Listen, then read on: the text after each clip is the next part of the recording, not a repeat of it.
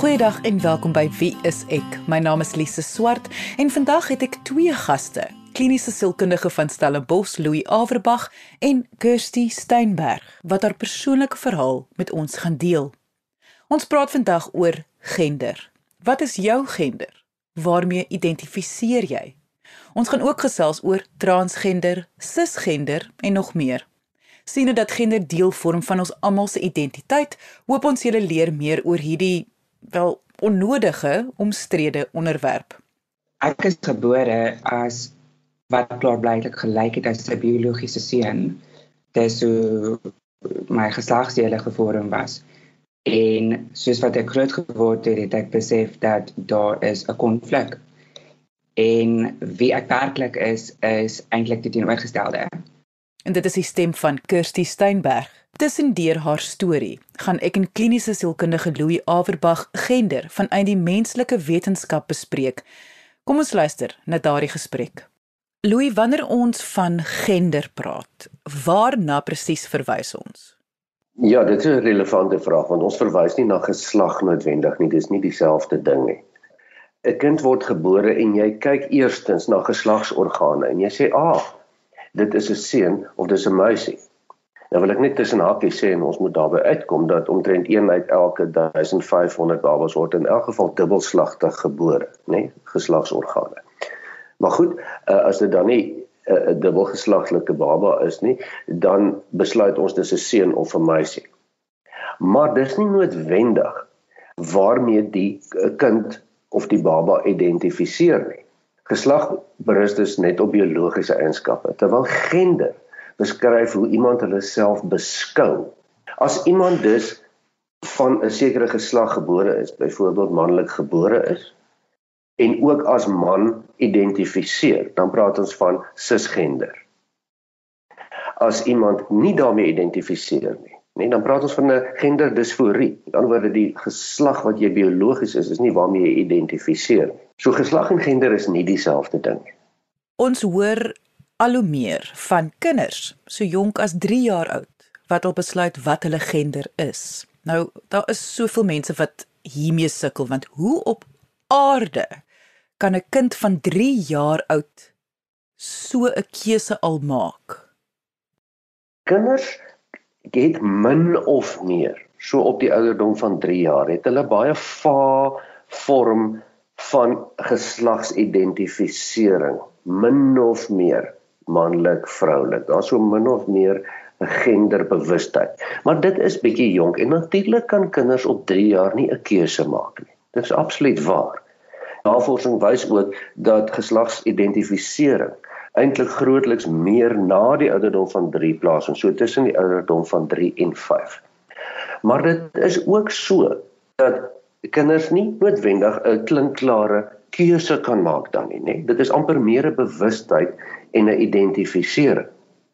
Dis gewoonlik die ouers wat wil hê dat daar dadelik keuses gemaak moet word. Weereens in die geval van twee geslagtelike babas, so een uit elke 1500, dit is eintlik bietjie meer, maar kom ons hou daarby, waar daar dubbele geslagsorgane is, byvoorbeeld 'n uh, eh, manlike eksterne geslagsorgane, maar interne ovarie, uterus en so voort. Baie keer en veral in die verlede wil ouers dan onmiddellik gaan en 'n keuse maak en daar's baie druk ook onder ouers en in die samelewing om na wit of swart kant toe te gaan. Maar om dan kortliks te antwoord, nee, kinders van 3 kan nie daardie besluit neem nie. Natuurlik nie. Maar daar is tog 'n mate van bewustheid al op daai ouderdom.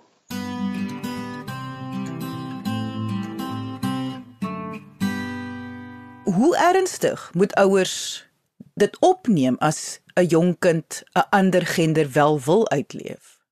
Nee, natuurlik moet jy dit ernstig opneem, net soos wat jy baie ander dinge van jou kind ernstig gaan opneem afhangende van die ontwikkelingsfase.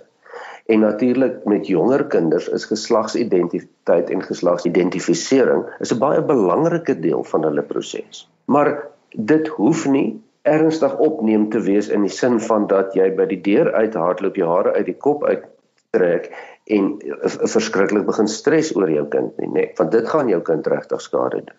Ons gaan mos nie die eerste keer wat jou kind dalk sê dat hy 'n uh, meisie wil wees, vir iets wat hy dalk op die TV gesien het ernstig opneem en verskriklik te kere gaan nie. Maar as dit dit weer noem en weer neem dan en en na ruk dan begin mense dit ernstig opneem. Jy begin sien daar's 'n patroon en jy konsidereer dit mos as deel van jou kind se ontwikkeling. So jy neem dit waar en jy neem dit in ag in terme van jou opvoeding van jou kind. Jy gaan dit mos nie net ignoreer nie. Net soos wat jy nie ander lewensvrae en en lewensbehoeftes wat jou kind het op daardie stadium soos uh uh jy weet toilet opleiding en badkamer grappies en so 'n bietjie lewens waarhede leer van van liggaam bewustheid ensovoorts en ensovoorts nie. Ons almal doen dit tog as ouers. Hierdie is dan net ook 'n deel van ons as ouers se take.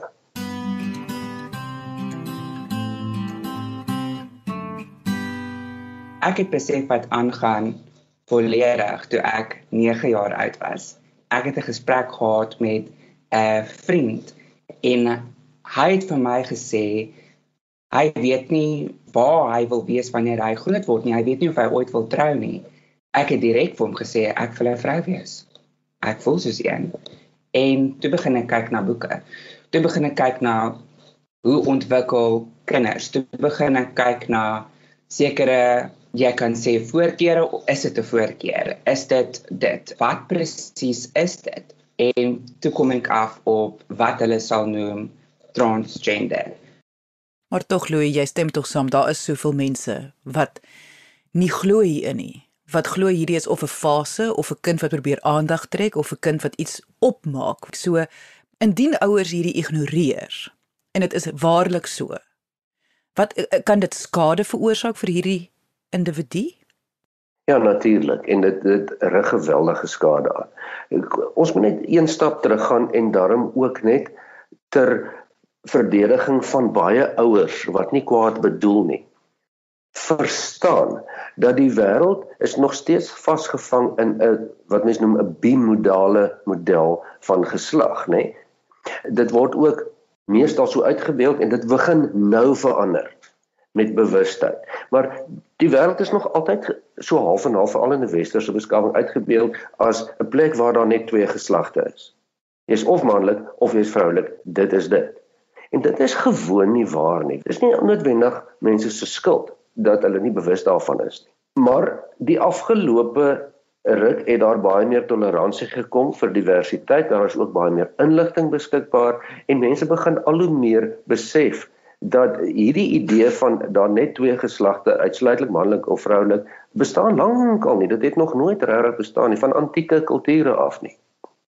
En alhoewel dit so is dat die meeste mense identifiseer met hulle geslag, is daar baie baie mense, groot persentasie mense wat nie daarmee identifiseer nie.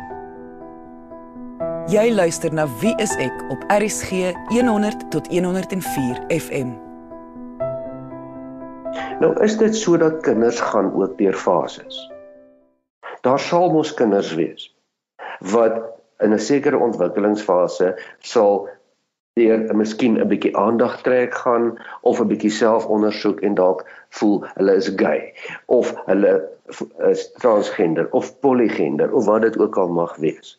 Dit dit is ook daar maar dit verteenwoordig nie die werklike feitelike persentasie van mense wat regtig nie met hulle geslag identifiseer nie.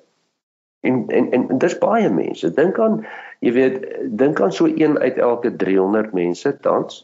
Dis baie. En as jy nou sê jy weet jy, jy glo nie daaraan nie wat, wat wat bedoel jy jy glo nie daaraan nie. Dis maar net die feite. En en daar is nogal baie studies gedoen oor oor mense wat hardnekkig wil volhou en byvoorbeeld gaan sê man nee dit is nie so nie. Uh, ons ons hou van hierdie bimodale model. Dit is dit is manlik of vroulik en dit is dit. Baie keer word geloof of godsdienst ook daaraan gekoppel om dit te motiveer. En jy weet al die navorsing wys maar dat dis nie mense wat noodwendig probeer snaaks wees nie maar dis mense vir wie dit baie baie moeilik is om hulle eie identiteit mooi na te kyk en as vloeibaar te sien. Met ander woorde, mense wat sukkel met met verandering, met iets wat nie vas is nie. Mense wat regtig ware antwoorde wit of swart wil soek want dit laat hulle gemakliker voel. En ons almal het het het, het daardie elemente in ons. Ons almal wil weet waar ons staan en dan voel ons meer seker. Maar ons moet daarom net ook bietjie na die feite om ons kyk. Nou kry mens gesinne waar 'n kind met 'n ander gender identifiseer en die gesin, die ouers is heeltemal gemaklik daarmee. Die probleem is wel nog die samelewing. En dis nie altyd so maklik vir ouers dan en hulle gesin om deur hierdie proses te gaan nie. Wat sou jy voorstel waar moet 'n gesin begin wanneer hulle agterkom hulle kind identifiseer wel met 'n ander gender en hoe sal hulle uh, hierdie hele proses aan die gang sit? Gewoonlik mense wat met 'n ander geslag identifiseer wat dus met ander woorde transgender is wil nie in hulle liggame wees nie en wil daarvan ontslaa raak en in die liggaam woon waarmee hulle identifiseer. In die geval van transgender kyk mense dus na na 'n chirurgiese ingreep. Maar nou moet mens baie mooi verstaan. Daar's 'n baie baie lang pad wat geloop moet word voor dit daar kom. So die heel eerste punt waar jy waar jy begin is jy gaan of na jou huisdokter toe of na 'n sielkundige toe of 'n psigiater. Want daar moet 'n baie lang pad met 'n persoon geloop word, veral met 'n kind, om baie mooi seker te maak dat die geslagsidentifisering 'n permanente deel is van die identiteitsvorm, nê. Nee. Jy gaan nie iemand wat op 12 jaar is kyk na chirurgiese ingreep nie al is daardie kind heeltemal uh, uh, geïdentifiseer met 'n ander geslag. Want daar moet nog 'n bietjie groei plaasvind, dan moet nog hormonale ontwikkeling plaasvind ensovoorts ensovoorts. Natuurlik kan dit gedoen word, maar is 'n mooi noukeurige proses wat uiteindelik verloop na 'n plastiese chirurg wat saam met endokrinoloog werk en saam met psigiater werk en saam met sielkundiges werk en 'n baie verantwoordelike proses doen wat dan uiteindelik 'n biologiese geslagsverandering teweeg het. En dit is dan nou vir transgender mense wat wat, wat, daardie behoefte het. Onthou indien jy enige vrae het oor vandag se onderwerp, kan jy ons kontak deur wie is ek se webwerf gaan net na wieisek.co.za.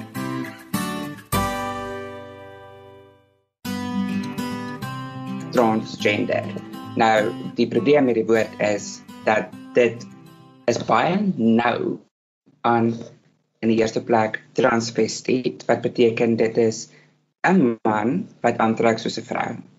Ek het verskriklik baie uitgebrei daaroor in die boek wat ek geskryf het om daai verwarring aan te spreek. En rondom 1516 het my stem vir die eerste keer 'n kraak gekry. Ek het al die pad 'n hoë stem gehad So dit was vir kinders die ideale geleentheid natuurlik om dit uit te wys en vir my te spot. Ek was gespot geweest oor my sagte voorkoms. Ek was gespot geweest oor my vroulike hande. Ek was gespot geweest oor my lippe, my vel, my wange, ehm um, die manier hoe my lyf gevorm het. En ek het begin om te eet basies om jy weet gewig op te sit om die fisiese wat daar was probeer weg te steek.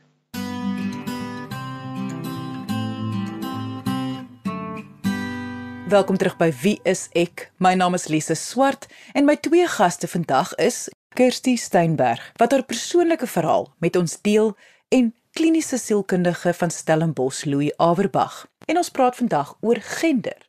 Wat is gender? Waarmee identifiseer jy en hoe val dit onder die groot oorkoepelende term identiteit? Indien jy nou eens ingeskakel het en graag die volledige gesprek wil hoor, kan jy die pot gooi gaan luister op RSG se webwerf by rsg.co.za. Louis, seker onregverdig om vir jou te vra uh, om te verduidelik hoe voel iemand wat transgender is, wat in 'n lyf is waarmee hulle nie identifiseer nie. Ek vra dit want ek weet jy het al met transgender mense gewerk en net vir diegene wat nie lekker verstaan hoe dit sal voel nie. Kan jy miskien vir ons in woorde omskryf? Jy weet ek ek praat nie nou eers van diskriminasie van ander mense se onbegrip en intoleransie en se vreedheid nie. Dit dit dit is 'n onderwerp wat heel eintlik apart bespreek moet word van hoe sleg en hoe verskriklik dit is vir mense om weggestoot te word deur 'n samelewing. Transgender mense haat hulle liggame.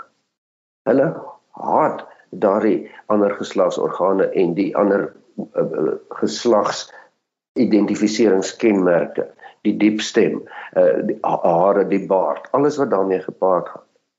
As jy 'n vrou is wat binne in daardie lyf vasgevang is. Dit is verskriklik. Jy kan nie eers in die spieël kyk nie. Jy wil net daarvan ontslaa raak en jy kan amper nie leef nie, né? Dit is dis 'n absolute nagmerrie. Nou praat ons nie weer eens van die druk wat jy van buite af moet ervaar nie. Dis binne druk en buite druk. En daarom is mense nog steeds wat wat genderdisfories is, met ander woorde nie met hulle biologiese geslag identifiseer nie. Se voorkoms van depressie is baie hoër as die gemiddelde. Se voorkoms van selfdood is baie baie hoër, amper 10 keer hoër as die gemiddelde persone se. Hoe hoe belangrik is ondersteuning wanneer dit kom by transgender? Jy weet, die samelewing het nog steeds 'n probleem met homoseksualiteit. Daar's baie mense wat teen gediskrimineer het bloot oor as gevolg van hulle seksuele voorkeur. Ons praat nie eers van geslagsidentiteit hier nie. En mens weet dat as jou mense jou aanvaar en vir jou daar is en jou ondersteun, dan kan mens nogal berge versit. Dan kan mens die wêreld aanvat. As jy iemand of meer as een iemand het wat jou rug het, dan kan mens oorlog maak teen die wêreld wat lelik is met jou.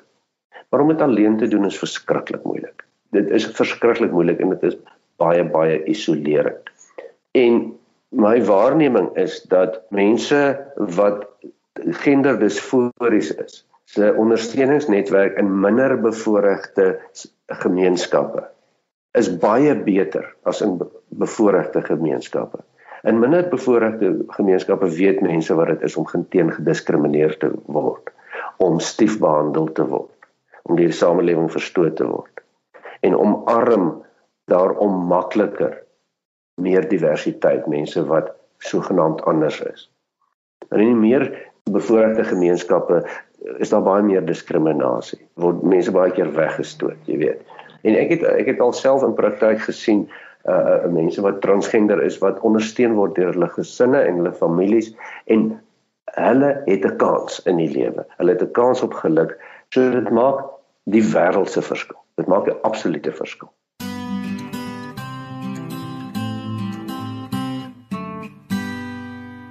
Louis baie mense as hulle hoor transgender dan sê hulle maar o, die persoon hou daarvan om aan te trek soos 'n ander geslag of hulle sê die persoon is homoseksueel. Ja, en en gebrek aan inligting en begrip is 'n geweldige groot probleem. Mense verstaan baie keer nie eers gewone homoseksualiteit nie. Ek sê sommer gewone homoseksualiteit want dit ek meen dit is redelik maklik. Dis maar net 'n seksuele voorkeur vir dieselfde geslag. Maar mense verstaan nie byvoorbeeld transgender nie. Mense verwar dit met transvestiet wat mense is wat daarvan hou om ander geslag se klere aan te trek. En dis nie noodwendig mense wat gay is of of nie. Dit kan wees, maar dit is ook nie noodwendig nie. So daar's geweldige onkunde oor wat beteken transgender nou. As iemand transgender wat beteken dit? Want transgender mense kan gay wees, homoseksueel wees of biseksueel wees of heteroseksueel wees. Iemand wat 'n vrou is wat in 'n man se liggaam vasgevang is. Hou van mans, maar is nie homoseksueel nie, dis heteroseksueel. Dis soos wat enige vrou van man sal hou op 'n heteroseksuele vlak. Maar dis binne 'n 'n man se liggaam en daarom kan mens verstaan mense dit dan kan verwar met homoseksualiteit. Maar ek dink ook dat onkunde net vir so lank 'n verskoning kan wees. Die groot verwarring ook is vir die buite mense wanneer jy 'n kind is wat sag voorkom wat nie manlike eienskappe toon nie, dan die eerste aanname wat hulle gewoonlik maak is dat jy is homoseksueel. Jy is gay en jy word gespot jy's 'n moffie. En in jouself om dan te gaan en vir die speel te staan en vir jouself te sê maar is dit wat ek is? Dit is so ver van die waarheid af en dit is so goed as jy sê vir 'n hond, die hond is 'n kat. Nou ek bly daai spesies, ek is 'n hond. Ek kan nie 'n kat wees nie. So dit is so ver verwyder. Dit is twee totaal en alle verskillende dinge. En die grootste ding is hier is nie 'n seksuele voorkeur nie. Hierdie het te doen met jou persoonlike identiteit. Dit het te doen met hoe jy elke dag voorkom, hoe jy met jouself voel, jou hele identiteit. Soek jy 'n professionele persoon in jou area, gaan kyk op die WSE kontaklys by www.wsek.co.za. 'n Persoon se identiteit. Kan jy vir ons net beskryf wat presies sluit dit alles in en hoe pas gender daarbey in? Dit is 'n baie ingewikkelde konsep, nê. Nee, dit is daardie vraag wat jy antwoord as iemand vir jou vra maar wie is jy in jou kern?